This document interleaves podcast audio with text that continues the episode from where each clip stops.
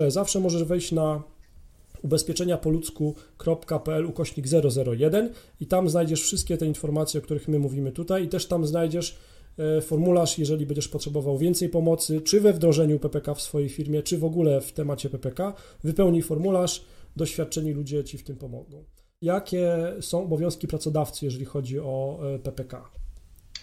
Właśnie powiem tak, tych obowiązków jest dosyć dużo. To można powiedzieć w ten sposób, że PPK dla pracowników to są możliwości, dla tak. pracodawców to są obowiązki. No właśnie. I tutaj powiem tak, e, to co jest najważniejsze, podstawowym chyba obowiązkiem, to są te wszystkie kwestie kadrowo-rozliczeniowe, ewidencyjne.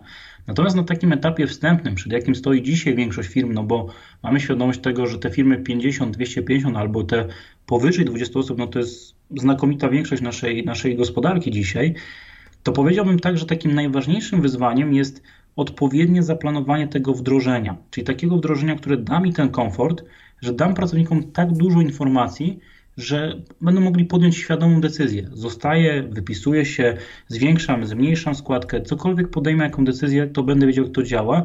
Druga rzecz, że stworzę program, który przy wsparciu instytucji finansowej oczywiście będzie w pewnym stopniu tak mocno zautomatyzowany i tak mocno bezobsługowy, że nie będzie rodził dla mnie problemów.